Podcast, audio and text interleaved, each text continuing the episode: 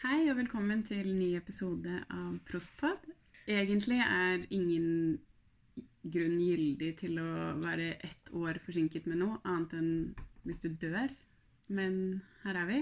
Skal vi bare nevne noen unnskyldninger bare for gøy? Vi gikk tom for vin. ok. Vi spilte jo faktisk inn denne episoden for ganske nøyaktig ett år siden. Og den ble såpass dårlig at vi ikke har lagt den ut. Litt pga. trikken, litt pga. hunden vår Nino. Litt pga. manglende selvdisiplin, og at vi faktisk en god Når vi begynte denne podkasten, så hadde ingen av oss fast jobb. Nå Ja. har vi begge veldig skjedde. 100 stillinger. Så ja, dårlige unnskyldninger på et års forsinkelser. Carry on! Vi har lest opp igjen disse 100 sidene, da. Side 295 til 395. Bind to. Hva, likte du det bedre denne gangen enn forrige gang du leste for et år siden? Jeg tror det. Husket du noen kontekst? Ja, jeg innbilte meg at det var ganske tungt og vanskelig å snakke om. Og det tror jeg var fordi at jeg hadde dårlig tid sist og lite lyst til å Mm. gjennomføre oppgaven. Mens nå har jeg egentlig gledet meg veldig over, eh, over lesinga, og også til en viss grad gledet meg til å spille. Enig. Spillebiten er bare koselig. Så nei, jeg syns det var fine 100 sider. Mm, morsomme og eh, ja, kanskje noe litt sånn krevende klasseprat som jeg ikke gleder meg til å prøve å utdype. Men nei, alt i alt veldig bra. Hva syns du? Nei, jeg er enig. Jeg syns det har vært veldig mye fint. Um, det har vært lite kunstprat. Jeg vet ikke om du har tenkt over det, men dette er en av hvor han liksom snakker veldig lite om kunst. Det jeg synes har vært litt deilig. Ja, han har name-droppet litt, på en måte, men jeg har tillatt meg bare Ok, der uh, snakker du om det og det kunstverket. Ikke så veldig inngående, og jeg Må trenger, ikke google det. trenger ikke å vite. Nei. Eh, Jeg syns det er gøy at eh, han forviller seg på en måte litt mer ut av sitt eget hode og prøver seg å komme seg inn i andres. Det syns jeg er artig.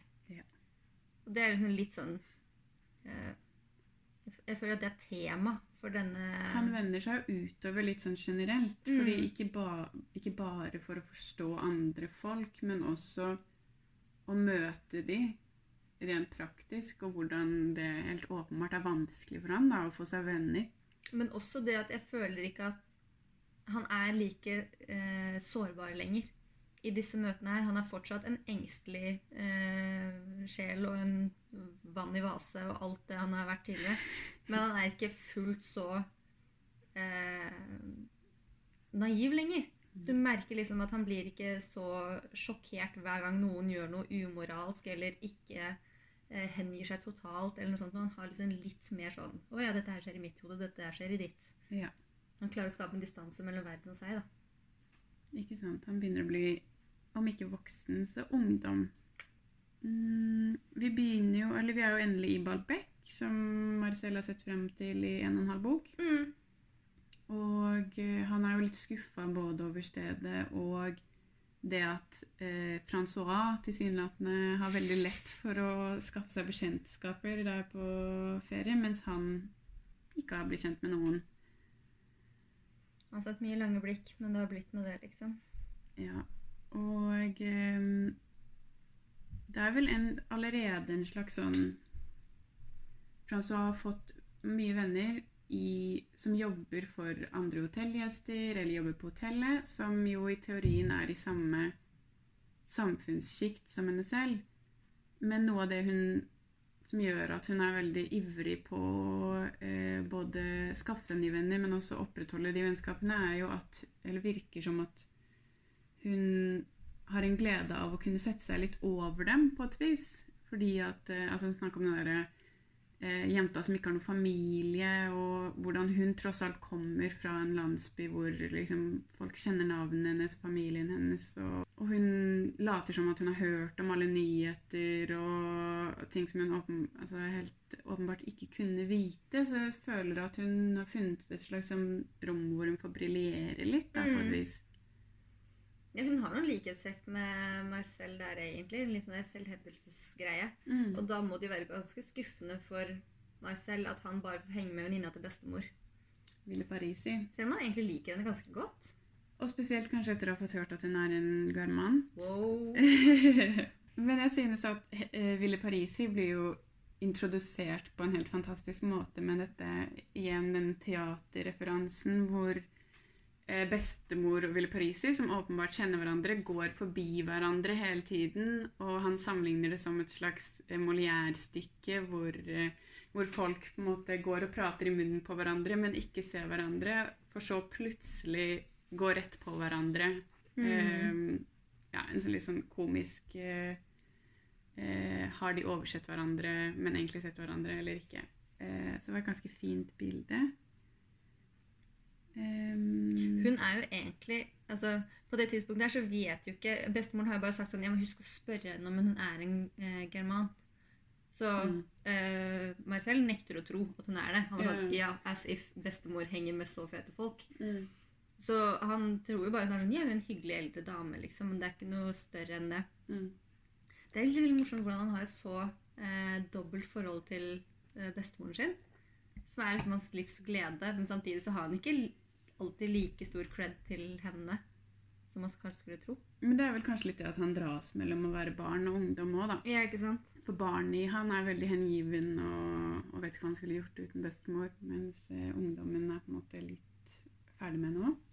Ja, og En ting er ferdig med henne. Kanskje hun klarer ikke å plassere eh, henne i både hjemmelivet og sosietetslivet som hun mest sannsynlig har vært eh, hele sitt liv. Mm. Ja, eh, Og den eh, Madame de Ville Parisi er jo sånn, hun verter dem jo opp nord og ned når de først kommer i tale med hverandre. Sender masse frukt. bestiller restaurantmat til dem når de har vært på turer, og vet at, når hun vet at de skal komme tilbake. Og så introduserer hun dem for eh, prinsessen av Luxembourg. Som ingen tror at det er prinsessen av Luxembourg, men tror at det er et slags sånn feriedekknavn, som flere av de jo har. Sånn eh, Ja, og da skjer det jo noe ganske interessant som både Ville Parisi og eh, prinsessen, prinsessen av Luxembourg gjør. Det at de ser på det som Altså, de er så høyt i overklassen at de ser Eller aristokratiet. At de ser på det som snobbete å se ned på borgerskapet. Mm. Og slik sett så begynner de med sånn overdreven vennlighet Mm. og snakker til Marcel og bestemoren som om de skulle vært Ja, de blir sammenlignet med barn og ba eller babyer, som Madame Swan ville sagt. Eh, og dyr. Ja, det er et helt fantastisk gøy parti, det hvor eh, Når hun sier at det, hun går fra liksom, å, å bli gitt mat som om det var en and, men plutselig så smiler hun ned som om det var en baby. Man sier sånn Evolusjonen har gått utrolig fort. liksom. Du går fra dyr til baby så raskt. Mm. Så begynner vel egentlig ganske rett på at han eh, For han kan ikke være så mye på stranda, han er jo sjuk fortsatt. Eh, og Ville Parisi får eh, greie på dette og Mm. begynner å tilby at de kan reise med henne i vognen hennes. Mm. Og da egentlig med et slags sånn formål å se forskjellige kirker rundt omkring i området. Mm. Men Marcel er faktisk såpass pubertal nå at han er mer opptatt av jentene han ser på veien, enn Han, han, han, det er en ganske sånn uh, etterpåklok, eh, suave move hvor han går fra sånn Jeg ser på alle disse flotte blomstene i veikanten, og bare sånn, og ser på alt det andre som blomstrer i veikanten. Og jeg klarer å også, jeg klarer hva jeg ser på. Og det er jo veldig sånn uh, piker i blomst. Ja. Man skjønner hvorfor bindet heter det. Ja. Um, og spesielt kanskje denne Fordi han, han har en slags selvinnsikt òg, fordi at alle disse pikene Det er et ord som ingen bruker, åpenbart, men eh, jentene som han kjører forbi, han innser at um, så fort han hadde kunnet stoppe og slå av en prat med dem, Mm. så hadde det ikke vært så interessant. Og kanskje er han også mer opptatt av at de ikke kommer til å sitte igjen med noe inntrykk av han, enn faktisk at han ikke kommer til å sitte igjen med noe inntrykk av de. Nei. Jeg tenkte, eh, når jeg leste det her første gangen, altså det der med at det er så utrolig forbigående, og at det er det øyeblikkelige som er det viktige, eh, eller det uangripelige i det som er det viktige, så tenkte jeg på Husker du den scenen med, eh, med Alberte? Gilberte, unnskyld. Mm. Eh, hvor han prøver å forene alle sine bilder av henne i én Mm. stivnet posisjon og ikke får det til. Så det er ganske gøy at han i dette øyeblikket her da har liksom på en måte gått litt ut fra å prøve å eie et helt menneske, men i hvert fall liksom, og snevret det inn til et rent sånn på inntrykksbasis. Sånn, Ja. Her har vi bare et forbigående menneske som ikke kommer til å kjenne så godt, men også jeg kommer ikke til å klare å fange verken deg, og du klarer ikke å ta del i meg Mm. på den måten som jeg ser etter. Og da er du heller ikke så interessant. Men det er viktigere for han å gjøre inntrykk. Jeg tenkte først at han ehm, tenk, at han var, for Det står jo vel noe om at eh, hvis jeg hadde fått sett nøye på henne, så ville jeg sikkert lagt merke til altså, trekk ved henne som jeg ikke syntes var sjarmerende eller eh, vakkert, eller hva som helst. Og da tenkte jeg at det var en litt sånn eh, ubehagelig holdning. Det der med at eh, så fort jeg hadde fått slått av den praten med deg, så hadde du ikke vært viktig lenger. Mm. Men eh, han, jeg tror egentlig hans største frykt er å ikke gjøre et inntrykk selv, og Mm. at i en sånn samtale så hadde det gått opp for han at han ikke hadde klart å å sette dype nok spor i henne, og dermed ville møtet vært Mm. forgjeves, da. Jeg vet ikke. Jo, jo, men det er helt riktig. Det, det er jo det han eh, Jo, han sier helt sånn eh, Straks følte jeg oss meg selv som et motstykke til blomsterstøvet som er klargjort for støvdragerne, at det sprang fram en første kime like uklar og liten ør... Like ørliten. Til ønsket om at denne piken ikke måtte gå forbi uten at hun ble oppmerksom på min person, uten at jeg fikk hindret hennes lengsel i å rettes mot en annen, uten at jeg fikk ta bolig i hennes drømmer og prentet meg inn i hennes hjerte. Det er det som er viktig for han. Mm. Som jo er litt ego, men eh, Jo, jo, men han sier jo det selv at det fins ingenting så egoistisk som kjærlighet. Um, og eh, på disse vognturene så ser han jo ikke bare jenter, han ser jo trær også. Eh, eller i hvert fall tre trær som blir spesielt viktige. Nei, det er jo eh, Han har jo det litt motsatte av madeleinekakeøyeblikket. Mm. Mm. Hvor madeleinekakeøyeblikket som vi snakket om for to år siden, hvor, hvor du tas øyeblikkelig tilbake til noe helt ufrivillig. En slags spontan erindring. Nemlig, her har du det totalt motsatte. Den dragkampen med din egen intuisjon om å finne fram til noe du vet er der, men som du kanskje ikke helt vet hva er for noe. Som når du våkner om morgenen og er sånn har, har følelsen av en drøm i deg fortsatt, Mm. men akkurat ikke klarer å nå den. på en måte. Som er noen ganger er den deiligste følelsen i verden, men også den mest frustrerende. Litt som kåtskap. Det virker som om han mm, prøver Sånn som med den madeleinekaken finner han jo som et grep å fange tiden i. Eh, som jo er eh, selve prosjektet hans. Hvordan kan jeg fange den tapte tid? Og her virker det som han gjør et slags sånn mislykket forsøk på å fange tiden, for min del. Sånn eh, Ja. Han sier i hvert fall at han blir hindret i å finne det som har vært der. Men han vet jo Men han prøver for hardt, rett og slett. Da. Ja. Hva er det youtuberen kaller den? Sweaty try hard? Er det det de kaller det? Der har vi Marcel. Eh, Han sier det utrolig pent, da, sånn som når han snakker om at han ikke får tak i dette her likevel, når han ser trærne gå forbi uten at han vet hva de er for noe, eller hva det er. Eh, veien førte meg langt bort fra det jeg trodde var det eneste sanne, fra det som kunne ha gjort meg virkelig lykkelig. Den lignet på mitt eget liv. Jeg så trærne bli borte igjen, med fortvilte armbevegelser som syntes å rope til meg. Det du ikke lærer oss i dag, det får du aldri vite. Og da vognen hadde tatt en annen retning, og jeg vendte hjem og jeg vendte dem ryggen og ikke lenger så dem, mens Madame de Ville Parisi spurte meg hvorfor jeg var så tankefull, følte jeg meg like trist som om jeg nettopp hadde mistet en venn. Som om jeg hadde dødd for meg selv, hadde forrådt en avdød eller fornektet en gud. Ja, veldig fint. Hardt. Jeg tenkte, da jeg leste dette, på den eh, vognturen i bind 1 hvor han ser de tre kirketårna Mm. som forsvinner. Er noe, og, og så begynner jeg liksom, Kanskje det er det minnet han prøver å lete etter, Det er den første historien han fortell, eh, skriver, er ikke det? At han skriver om disse tre kirke... som forsvinner og dukker opp igjen mm. eh, over de bakketoppene. Jeg, Så det er jo ikke bare det at altså det er tre ting som han har eh, hatt tidligere, og som han prøver å finne tilbake til. Men det er også noe han har funnet på. ikke sant? Det er ikke, Du kan ikke få et spontanminne tilbake Eller kan man det?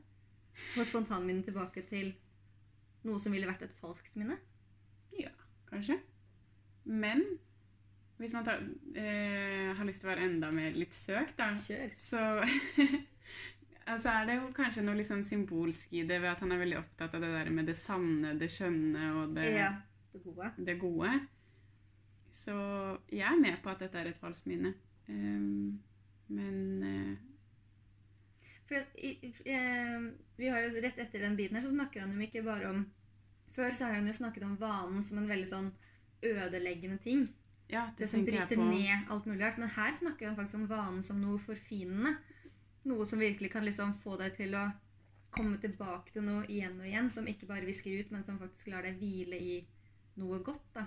Mm. Sånn som dette bildet av de, denne treenigheten. da. Og Vi kunne jo godt tatt kirkene, treenigheten. Altså hei der oppe. Det kan jo være noe der også. Men også litt Det snakker han jo på en måte litt om også i det der med å øh, øh, absorbere musikk eller kunst. Mm. da, Det der med at eh, første gangen ikke nødvendigvis er den sanneste reaksjonen, men Ja. at på en måte du oppdager det mest fintfølende kanskje gang nummer ti. Da. Mm. Og at eh, Så han har også kanskje et litt sånn tvetydig forhold til det med vanen og gjentagelsen. Mm. Han har et tvetydig forhold til alt. da. Han er jo Jeg tenker sånn, Han ville hatt veldig stor glede av å lese sin egen bok. Ja! Fordi han vil Det så er det største utrolig, komplimentet du kunne gitt han. ja, men han vil så utrolig eh, gjerne at ting skal stå stille, om det er hans elskede objekt, eller om det er tiden, eller hva det er, sånn at han kan analysere det måte detaljert nok. Eh, så dette her hadde vært liksom favorittboka hans, tror jeg. Ja, det tror jeg også at det hadde vært. Ja. Det er veldig gøy, Derfor, for sånn som eh, Den passasjen vil jo bli helt annerledes enn eh, hvilket forhold f.eks. bestemoren har til kunst, da, som er veldig sånn på en følelse- og nærhetsbasis. Sånn hun liker situasjoner hun kan kjenne seg igjen i. Sånn som hun eh, Hva er det hun heter hun? eh, Sevigny. Ja, som handler om den brevskrivingen til datteren osv. Og, og det savnet de har seg imellom, og det savnet etter menneskene rundt seg. Det har man selv også. Um, og det er en veldig skjønn passasje. Kanskje egentlig den jeg festet meg best ved ved å lese. Om um, eh, hvor han snakker med bestemoren sin om hvordan det ville vært å miste henne. Eh, som jeg tenkte jeg skulle lese, lese litt fra. En gang sa jeg til henne, uten deg kunne jeg ikke leve. Men det må du ikke si, svarte hun med uklar stemme. Man må være litt mer hardfør enn som så. Hvordan skulle det ellers gå med deg hvis jeg en dag reiste bort en tur? Jeg håper tvert om at du da ville vært ekstra fornuftig og tilfreds. Jeg skulle nok være fornuftig hvis du bare ble borte noen få dager, men jeg kom til å telle timene.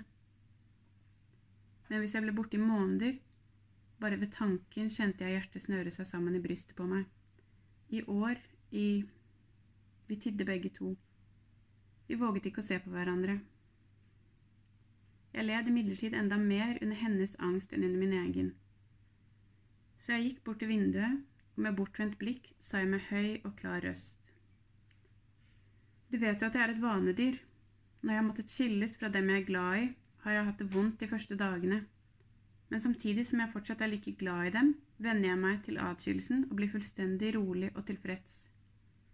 Jeg ville tåle å være atskilt fra dem i måneder, i år. Jeg måtte tie og snu meg helt bort. Min bestemor gikk ut av rommet et øyeblikk.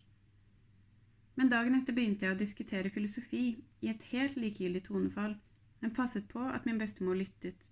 Og da, jeg sa at, eh, og da sa jeg at materialismen, ifølge de siste vitenskapelige observasjoner, nå synes å være avkreftet, og at det mest sannsynlig faktisk var sjelens udødelige liv og deres hinsidige, hinsidige gjenforening. Hinsidige gjenforening. Det er fint. Veldig fint. Um, Hvor går man etter det? ja, ikke sant? Em, jeg synes jo at eh, det understreker jo veldig fint eh, hvor, Eller det, man kan forstå hvorfor bestemor er så glad i disse Sevigné-bøkene, da, som Mm. hun blir gjort narr av for. For det er jo helt tydelig at de har et veldig veldig nært forhold. Og ja, jeg syns det er en veldig rørende, rørende del av, av de sidene vi har lest. Men det er kanskje ikke så mye mer interessant å si om det. Nei, så Man trenger ikke nødvendigvis en teoretisk utlegning etter en kjærlighetserklæring. Eller det skal man ikke si for sikkert Freeze St. Loop. Han dukker opp, og der blir det en slags uh, kjærlighetserklæring fra Marcel sin side, i hvert fall. Han har jo allerede bestemt deres begge sider vekslende. Ja, i utgangspunktet så tenkte jeg at uh, Marcel har jo allerede bestemt seg for at uh, han skulle bli hans aller beste venn, ifølge han selv. Eh, og sier til og med uh, I min fast... Nei, unnskyld. Mm, unnskyld. Glem det. Det var ikke det jeg tenkte. Å Å skulle... nei, nei, jeg syns absolutt du kan ta det litt senere. Eh, eh, Bare ta det fra når hans tante eh, fra Anko lot min bestemor forstå at han var falt i klørne på en lettfeldig kvinne. For han er jo da forelsket i et helt feil menneske. En skuespiller. Ja, Som ikke ville slippe han. Måtte jeg Har du lyst til å ta det melodramatiske herfra? I min faste tro på at den slags forbindelser uvergelig endte med sinnssykdom, drap og selvmord, tenkte, tenkte jeg på den korte tiden som var levet vårt vennskap. Så han har jo da allerede begynt å bekymre seg for at de ikke skal få lov til å være venner så lenge pga. Mm. Skal eh, begå selvmord. Så, men ja, når de først blir kjent, da, så viser jo denne Salot seg som verdens triveligste fyr. Og også veldig glad i Marcel. Fort. Begynner å mistenke at uh, Marcel har et lite problem. Er at med mindre du er en kvinne fra hans familie, så liker han deg ikke hvis du ikke er litt hard to get. Det er kanskje litt alderen? Jeg tror også det er litt hans personlighet. Altså. Jeg vet ikke om Kanskje. Kanskje han falt for Bergot ganske umiddelbart, men selv der klarte han å rote seg borti litt sånn kinkigheter. Um. Men han forakter jo. Det er det som er så gøy. Etter å liksom ha blitt kjent med eh, St. Louis, så er han litt sånn Ok, du er en fin fyr, vi burde bli venner allikevel, selv om du er altfor glad i meg. For det er han virkelig. Han er sånn oppmerksom på den måten som nesten er litt creepy. Men han er veldig Jeg føler egentlig mindre enn at han er kritisk til Salou sin person, så er han egentlig mest skuffet over hva det å være i et vennskap gjør med han. For Ja, Der er jeg ikke helt enig. Nei? Eller eh, kanskje ikke sånn um, Ikke hva det er å være i et vennskap, men hva det er å være i det vennskapet. Ja, da tror jeg ikke du er helt med på det jeg tenker. Fordi okay. at det han sier, er jo at um, um, han trives bedre alene, hvor han kan gå Ja, totalt dypt inn i seg selv og, og finne frem til de mest liksom, finstemte følelsene og ideene og tankene han har. Mens i enhver relasjon, også denne vennskapsrelasjonen, som han jo har lyst til å gå inn i, men på en annen måte kjeder seg litt i fordi at han ikke blir den beste versjonen av seg selv, må han vende seg ut, og han er på en måte fanget i en slags situasjon hvor han taper uansett. fordi hvis du deler bare deler av deg selv, så vil den andre kjede seg, og du vil heller ikke kunne klare å, å nå frem til den personen med sånn du ønsker å fremstille deg selv. Eh, men vil, han vil heller ikke bare sitte og høre på et annet menneske eh, bable i vei om sine ting heller. Så jeg føler, eller han sier jo rett ut at eh, han skulle ønske at han hadde mer tid til å sitte og lese og tenke. Ja, ja, det, det er jeg helt med på, men det har jeg Altså, jeg har fort tenkt at det er mest det forholdet han har til. Lee. Altså, han, jeg skal ikke si det for sikkert, for han har jo ingen andre venner han er spesielt glad i akkurat nå. Eh, men særlig det at han snakker om f.eks. Han kritiserer St. Lee konkret for å være for eh, aristokratisk i sin fremferd, for å være for kritisk til sin egen aristokratiske bakgrunn og prøve å være republikaner. Han kritiserer han for å eh, være raddis for å være raddis i hva han liker å tenke om. At han er for intellektuell og ikke har nok følelse. Altså Han sier basically at han er ikke nok balansert hele veien. Og den balansen da, Dermed så føler jeg sånn at de aldri snakker på eh, et felles common ground. De snakker alltid på den enes premisser eller den andres premisser. Og Stanley sier også det at han er skuffet over eh, hvor lite eh, Marcel interesserer seg over intellektuelle spørsmål. Mm. Og da er det ikke rart du liker å være mest alene.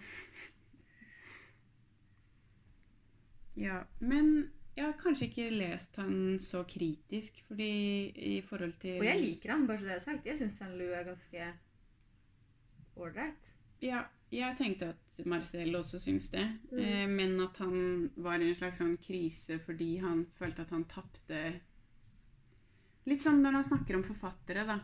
At de ikke fremstår, fremstår så interessante når du møter dem i virkeligheten, fordi at de da tar sitt indre opp i lyset Mm. og blir besludret av, eh, av på en måte resten av verden. Mm. Og at han kanskje ser på seg selv på litt samme måte. At han eh, ikke, ikke klarer å være fullstendig seg selv med mindre han er trukket innover. Mm. Eh, så, men ja, han er kanskje mer kritisk til saloen enn enn jeg eh, har fått med meg. Mm, Ja, nei, eh, særlig altså, Ikke at vi skal gå sånn utrolig inn i dette nødvendigvis, men eh, han sier sånn al- al- Altså Han kritiserer for at ah, hans bevegelser Han er liksom en marionett for sin arv. At han beveger seg liksom det, Han har sånn eh, Skyter frem hånden for å hilse fordi det er noe man, moren hans har lært han, så er han, han er styrt veldig av den indre lover. Side 343. Yeah. Eh, da var han bare en gjenstand som jeg forsøkte å utforske min, eh, med min fantasi. Når jeg stadig gjenfant han i denne historiske forgangne vesen, den aristokrat som Robert selv strebet nettopp etter å ikke være, følte jeg en sterk glede, men den var intellektuelt og ikke følelsesmessig betinget. Den åndelige og fysiske smidigheten som ga han selv så mye sjarm. Eh, altså, han snakker liksom om bare sånn, han, han, føler en intellektuell glede i å gjennomskue ham. Ik, ik, han er ikke skadefro på en måte. Jeg mener ikke at han er sånn Men jeg, jeg tror han har en slags intellektuell forakt for den type menneske han er. Og jeg skal ikke si at han ikke innlever seg selv i den klassen. Det kan godt være. jeg tror han ser seg selv litt under denne klassen, kanskje. Ja. Han sier jo ofte sånn eh, 'Jeg ville ikke funnet innpass i de og de Mm. kretser. Eh, så ja, kanskje han er litt sånn han På en måte så kanskje han er litt skuffa over at han eh, fortrenger eh, sin aristokratiske rolle og på en måte undertrykker den. Mm. Men eh, han syns i hvert fall at han er en veldig fin fyr, da. Det tror jeg absolutt han gjør. Og det blir, kontrasten blir veldig stor når vi får blå introdusert.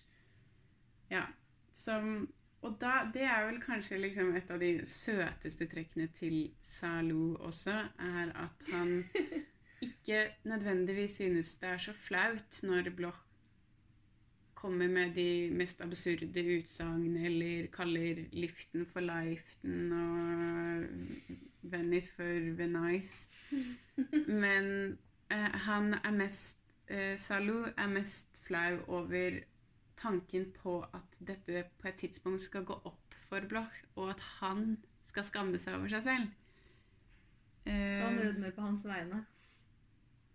Men før vi skal videre med blokk, så blir vi jo introdusert for enda en ny karakter. Det er sant. Og det er eh, fordi at eh, de møter blokk, og de skal egentlig på middag til han, men så blir denne middagen utsatt fordi eh, eh, Salou ikke kan gå. Han venter på besøk fra onkelen sin. Og den onkelen liker å gå langt og lenger enn langt. Han, de vet ikke helt når han kommer. Det er litt sånn 'Waiting for Godot', bare at det plutselig er 'Waiting for the Altså the mothership'. Fordi Det er tross alt Charlie.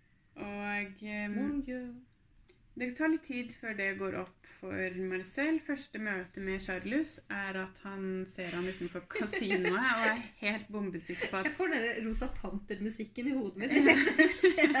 En sånn sortkledd mann i dress midt på sommeren som står og stirrer på han utenfor hotellet.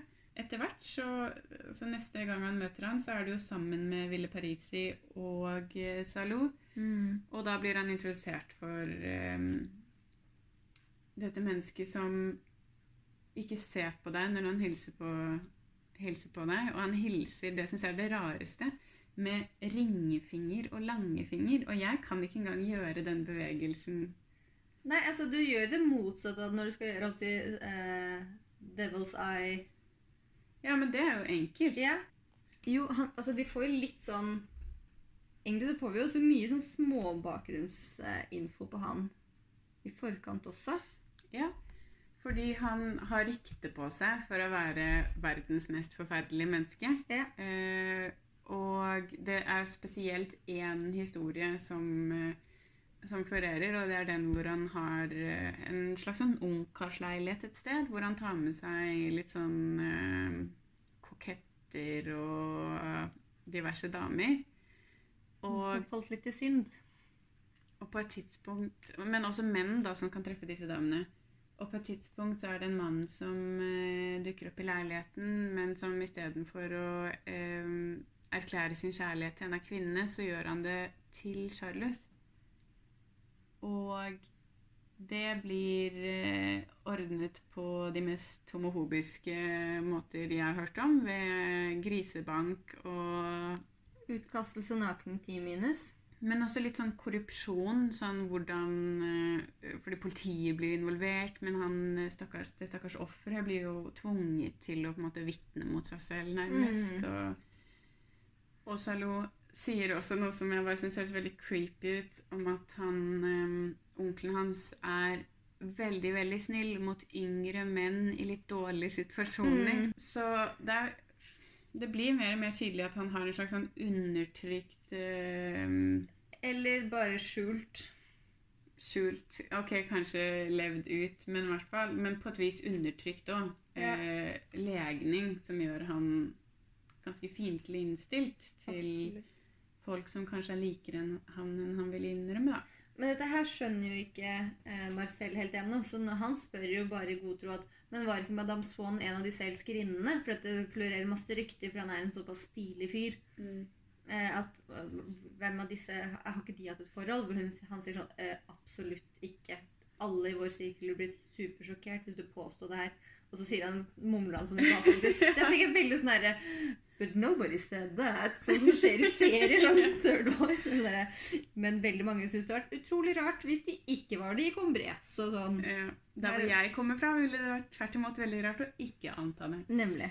Men eh, jeg trodde også kanskje litt at han brakte det med Madame Swann på, ba på banen. Fordi at han sier jo Disse øynene husker jeg nå at jeg har sett før. Mm. Hjemme hos Madame Swann da, rop da de ropte etter Gilbert eh, i hagen. Mm. Første gang jeg så Gilbert. Og jeg trodde kanskje at han ser de samme øynene i Gilbert og i Charles, Nemlig. og at han prøver å stille spørsmålet for å finne ut kan det være at Swan ikke er faren til Gilbert. Jeg, jeg, jeg tenkte også på det, og særlig også det der med den forakten. Mm. Det som vi Det foraktfulle blikket. Som han tenner så totalt på. Fra alder ni oppover. um, men han har jo flere dobbeltheter, denne Charles. Ehm, og før vi går til det, så syns jeg at vi kan ta et par ord om forskjellen på hvordan eh, Charles og eh, Salou forholder seg til eh, aristokratiet de kommer fra. Ja. Fordi ehm, mens eh, Salou totalt fornekter det, ikke, ikke fornekter det, men prøver å undertrykke det og latterliggjøre det og se på det som lite intellektuelt, så har Han prøver å skyve det fra seg. mm, mange og ikke, ikke ta utnytte av det. Mens eh, her så er det vel mer sånn Eller jeg føler at eh, Charles kanskje Han spiller litt mer på lag med Ville Paris' tankegang. Og omfavner det, omfavner det mer. Mm. Eh, og dermed så er det en slags sånn Ikke veldig tydelig, men en litt sånn clinch mellom de to òg. Det er litt som at måte, det er den derre typiske opphav blir utkonkurrert av avkomsituasjonen. Og den trusselen rett før det faktisk bryter ut. Absolutt. Han syns på en måte kanskje ikke han er intellektuell og årvåken og åndelig nok. på en måte. Nei, ikke i det hele tatt. Det er jo de samme tingene som han eh, i små drypp kritiserer meg selv for. Mhm. Så det er merkelig at han ikke tror at de Han, han tror jo ikke at de kommer til å komme sånn supergodt overens. Han var sånn, ja, dette er onkelen min. Mm. Han er en ganske hyggelig fyr noen ganger. Og umiddelbart så får vel ikke Marcel noe inntrykk av at uh, Charles er så opptatt av han, men så blir han jo uh, ved flere anledninger et slags sånn offer for denne dobbeltheten hans. Da. Og det første som skjer, er vel at han får greie på at han Nei, han inviterer dit på te oppe hos Ville Parisi. Mm. Og når de kommer, så ser han knapt på de og er sånn Ja, så hyggelig at dere tok initiativ til å komme hit. Mm. Mens Marcel har et veldig sterkt ønske om å få frem foran de andre gjestene at Men du ba meg å komme. Mm. Men bare blir avbrutt hver gang han prøver å få det frem. Mm. Og så får han vel Charles får et nyss om at eh, Marcel gruer seg så fælt til å legge seg fortsatt. Du snakker om det når han sier sånn Du har kanskje ingen fremragende personlige egenskaper? Ja. Eh, jeg snakker om da han kommer ned på senga til han og forteller at han vet at han gruer seg til å legge seg, eh, og har med en bok av Bergot, for han vet at, eh, at Marcel elsker Bergot. Hvorpå han dagen etterpå, på vei ned til stranda Ber om boken tilbake, for han trengte den uansett. Og dessuten så ganske latterlig når han hadde brodert av ankeret på badebuksa si.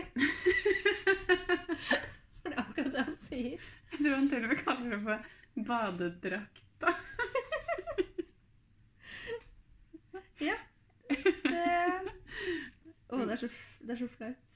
Men jo, fordi han kommer med en liksom ekkel kommentar på sengekanten om et eller annet sånn eh, Du tror kanskje at liksom Eller du vet ikke hva slags effekt ungdommen i deg har på folk, og det, var, det er på en måte alltid sjarmerende. Mm. Og så dagen etterpå så han, angrer han åpenbart på det han har sagt. da. Og da, da skal han ha tilbake bøkene, og eh, bare sånn at han visste det, så, eh, så var det ikke noe fordel å være så ung og hele tiden skulle komme med følelsene sine som var helt åpenbare, og gni de ansiktet til folk. og... Han, han avslutter hele triaden på så utrolig morsom måte. Så han var sånn eh, eh, Du får meg til å innse at det var forhastet å snakke til deg i går kveld om ungdommens tiltrekkende sider. Jeg ville gjort deg en større tjeneste om jeg hadde informert deg om hvor tåpelig, inkonsekvent og ufølsom den er. Jeg håper, unge mann, at denne lille kalddusjen ikke vil gjøre deg mindre godt enn sjøbadet, men bli ikke stående slik. Du kunne bli forkjølet. Farvel, unge mann. Men på den annen side så angrer han jo på dette og eh, sender, eh, sender bøkene tilbake. Eh, Og han har jo også et annet sympatisk øyeblikk hvor han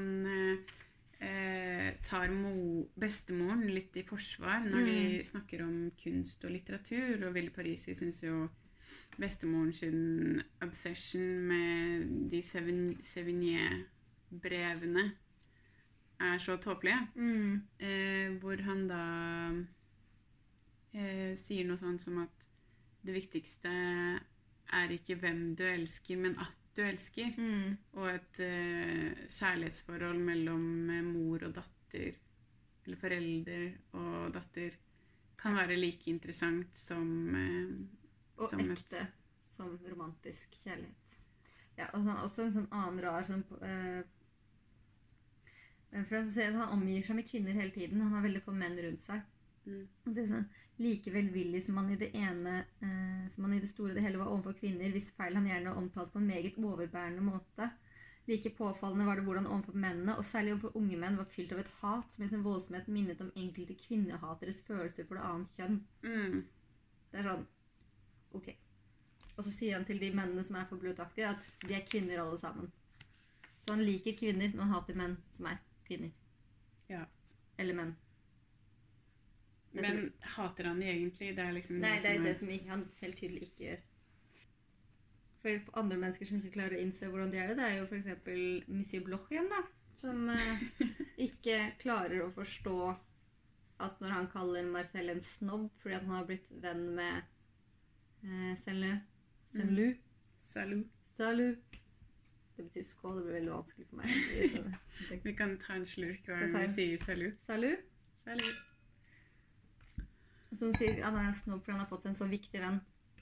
Endelig får han hjem på middag, og innser liksom ikke helt selv hvor Eller han gjør jo det, det er akkurat det. Han skjønner jo nøyaktig hvor snobb han selv er. Han bare må prikke det på, på andre istedenfor. Og den middagen er jo det mest absurde. Altså, jeg tror Det er middager hjemme hos sånn oss. Sånn stemning.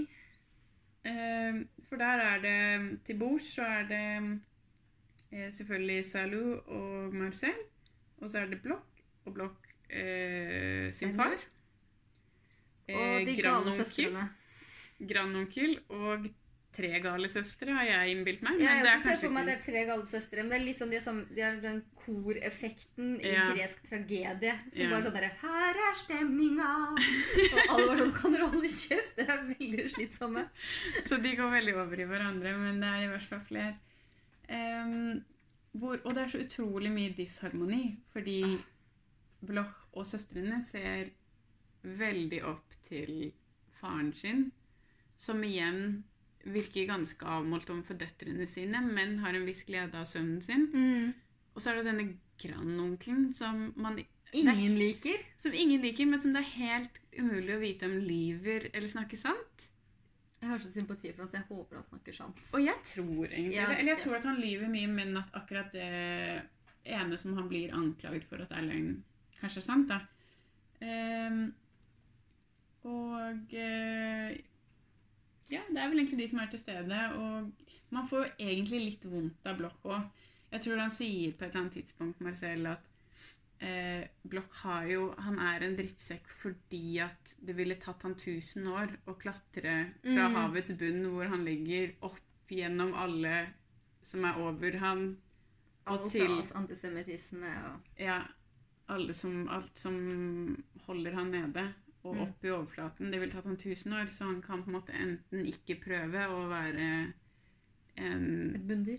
Ja, eller han kan bare bane seg vei, sånn som han gjør ved løgner og fornærmelser og, og det som er. Mm. Mm, Men det går jo, altså det er virkelig sånn Det er jo løgner fra ende til annen. De snakker om at Bloch har sine løgner som han forteller som han syns er gøy. Og så er det liksom hele den scenen er så utrolig koreografert. Hvor de er sånn, vi vet akkurat hvilket inntrykk vi vil gi, så vi forteller løgnen om den og den, og vi impliserer sånn og sånn. Veldig sånn slører til alt mulig rart. Og det hele topper seg en sånn utrolig flau greie hvor de snakker om at ok, hvis, eh, hvis stolthet er en av Blochs største eh, laster, så er grådighet farens. Nei, unnskyld, gjerrighet er farens. fordi han kommer med en eh, tam musserende vin som Nå vi kaller champagne! champagne. Fordi, og vi har kjøpt dere masse gode teaterplasser i eh, orkesterplasser. Og så Som de ikke er orkes- orkestre, fordi at eh, de plassene som var best, de var jo eh, ikke ledige, men Mm. teatret sto nesten tomt, så det er helt åpenbart at de bare lyver og, og, og prøver å fremstå rikere enn de er, da. Og altså Ja, man kan få litt sånn sympati for Bloch i den settingen her, på samme måte som sier sånn der, «Ah, Ja, men du ser jo hvor han kommer fra-aktig. Men jeg syns jo eh, San kommer kjempegodt ut av hele eh, settingen. Men han bare sånn der, Uff, nei, stakkars fyr. Så utrolig spennende. Altså, han, han har jo virkelig en slags sånn interesse for Blå. Ja, eller står det ikke noe sånt som at det mest interessante for Salou er løgnens, løgnerens Ja, eh, psykologi. Så det er vel ikke en genuin interesse for Eller altså Det er vel mer en sånn Jeg observerer deg jeg så på det bare som et easter egg i tillegg. Jeg var sånn der, hm, Du er ganske spennende, men du har løgner i tillegg. Det gjør det ekstra spennende. Ok. Jeg tenkte, ja, jeg føler at han Salou bare har forvillet seg inn på denne middagen. Er høflig og overbærende. Og i tillegg syns det, det er interessant å Observere, liksom. Ja, Men kanskje syns han det er noe liksom fornemt med ved å være på middag hos noen som er eh, sånn langt ned i borgerskapet, da. Ja, det er jo en ting. liksom forfriskende, liksom. Og så særlig liksom når han ehm, Jeg lurer jo for at vi, Etter dette her så blir vi jo introdusert så vidt det er for eh, elskerinnen til uh, Salu. Ja, Men ikke ekte introdusert. Hun kommer ikke, men vi får, får fortalt litt mer hvem hun er.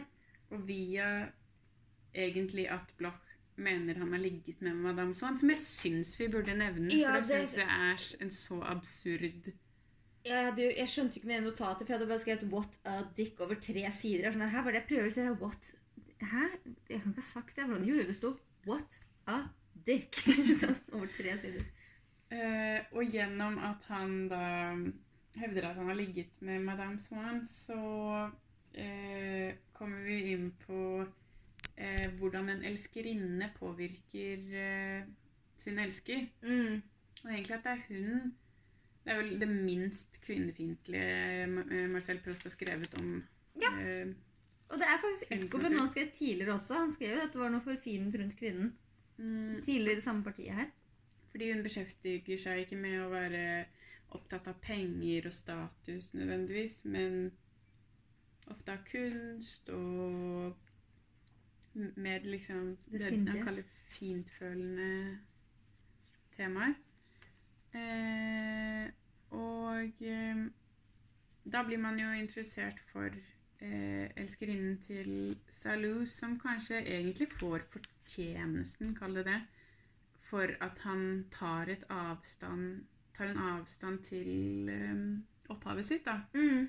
Fordi hun er skuespiller, og åpenbart i en krets hvor, uh, hvor hele det aristokratiet bare Man ler bare av dem. Og det er på en måte Jeg tror de kaller det for fienden til intellektet, eller noe Mm. sånt noe. Um. Jeg kan jo skjønne litt hvorfor, men det er veldig gøy Det at de kaller skuespillet fiendtlig intellekt, er veldig sånn eh, gøy motstilling til hvordan Marcel eh, snakker om salongene og aristokratiet. mm, Sånn at de som bare kan påføre seg noen andres idé og leve den ut Det er jo nøyaktig det samme som de gjør. Altså, Mm. det, er ingen, det er ingen motsetning her. Men hun det, det blir jo et litt sånn ubehagelig ekko av Ja. Swans kjærlighet-delen. Fordi at eh, hun plutselig begynner å endre holdningen sin overfor Salou. Eh, Takket være en vennekrets. som begynner å snakke drit om han, og plutselig så klarer hun ikke å tenke på annet enn hvor irriterende han er. Mm. Og eh, så går det over i hat. Og han prøver jo å holde på henne ved På samme måte som Swan gjorde med Mm. Odette. Eh, ved å ikke gi henne en formue, men stadig gi henne små doser med penger, som gjør at Mm. hun er avhengig av å beholde han, men Og ikke har liksom råd til å løsrive seg. Nei. Eh, og det har jo vært hintet litt om at dette her blir en slags sånn andre Swans vrede, på et vis. Fordi at de Mm. snakker mye om det der med eh, eh, hvordan man reagerer på endt kjærlighet, eller på, på en måte å bli forlatt. Eh, Marcel er jo helt eh, overbevist om at det må ende i selvmord, på en måte. Så da er vi faktisk gjennom de 100 sidene. Er det noe du eh, har lyst til å trekke fram som, eh, som noe du hadde spesielt glede av? Ja, egentlig, og det er mest fordi at jeg hoppet over det så galant fordi at jeg ikke klarer å lese opp ned. Og det er alle disse eh, satte pris på det. Eh, jeg syns det var greit. Disse venneklassifiseringene hans Ja. og eh, psykologiseringen rundt de han omgås med. Sånn, han har en veldig sånn Ted mer ond type holdning til eh, vennskap generelt. Og laster. Yes. Vennskap og laster. Jeg er mye mer jeg er, ikke, jeg er mye mer fan av laster enn vennskap, og det er ikke sant. Jeg skjønte at det var et dårlig publikum. Men du leste mer eh, ut av eh, ut av teksten ved at han snakker om laster enn venner. Ja, det gjorde jeg. Mm. Jeg tenkte egentlig i utgangspunktet mest at han snakket om forskjellige typer venner, eh, Mm. og så det som en slags forlengelse av at han er eh, eh, i ferd med å stifte sine første vennskap, Mm. eh, og at han eh, synes det er vanskelig, og at han eh, Han prøver jo å forklare hvorfor han er venn med Blokk òg. Ja, ja, en ja, slags liksom dårlig samvittighet for å baktale han, på et vis. Eh, ved å på en måte si at venner er på en måte Du må forstå de ut ifra summen av eh, laster og positive sider. Mm. Eh, og at eh, en person kan være min mer hyggelig enn blokk, men da kanskje bare snakke det til munnen. Ja. Og er det noe bedre, på en måte? Det er akkurat det. Eh, men jeg synes også det morsomme der var at han, han påpekte mange ting med vennene sine til enhver tid som gjerne også angikk han selv. En speiling, liksom. Ja, Mm. Og jeg var aldri helt sikker på i teksten, og det syns jeg noe av, på en måte, av, av eh, geniet i skrivingen her, at jeg vet aldri helt om det er ironisk lagt inn, eller om det er en blindsone Mm. for karakteren til enhver tid. Så jeg syns det var skrevet veldig smart. Pluss at det var en hel del sånne sånn eh, gullkornaktige eh, biter der. For han mener jo at Blokk kritiserer han for å være en snobb fordi han ser seg selv i han. Mm. Ja, ja. Eh, men tror du at han ser seg selv i noen av Blochs dårlige sider? Det er akkurat det jeg er litt sånn usikker på. For at han må jo nesten gjøre det for å skrive det den Ja. veien. Det er veldig eh, innbilsk av ham å skrive det på den måten hvis han ikke ser det, og ironiserer litt over det. På samme måte som dere snakker om sånn derre eh, ja, den der klassetilhørigheten hos alle de andre, og hvem han er. Så sier han sånn Det finnes veldig få mennesker igjen av samme stokk som min mor og min bestemor, ekte Combré-kvinner. Mm. Altså sånn der, å ja, men Hvordan stiller det seg opp mot alt annet du liksom driver og plaffer ned som leirduer liksom bortover på den der eh, bedømmelsen din? Mm. Men jeg tror nok det er veldig bevisst, for han sier jo at eh, på samme måte som en skredder alltid vil se en dårlig søm og begynne å pirke på den, eller En tannlege vil se dårlige tenner. selv om han selv, hans egne tenner er ødelagte. Sånn, man får sine sånne ekspertisefelt, og det at han ser så mange lyter Vi vet jo på hans usikkerhet at han har så mange lyter fra, fra før. Og at han vet om de. Og det hadde vært utrolig uinteressant hvis han hadde skrevet dem inn. Ja. Så det likte jeg. Nei, det er jeg enig i. Hva slags forventninger har vi til eh, videre Ja, ikke sant?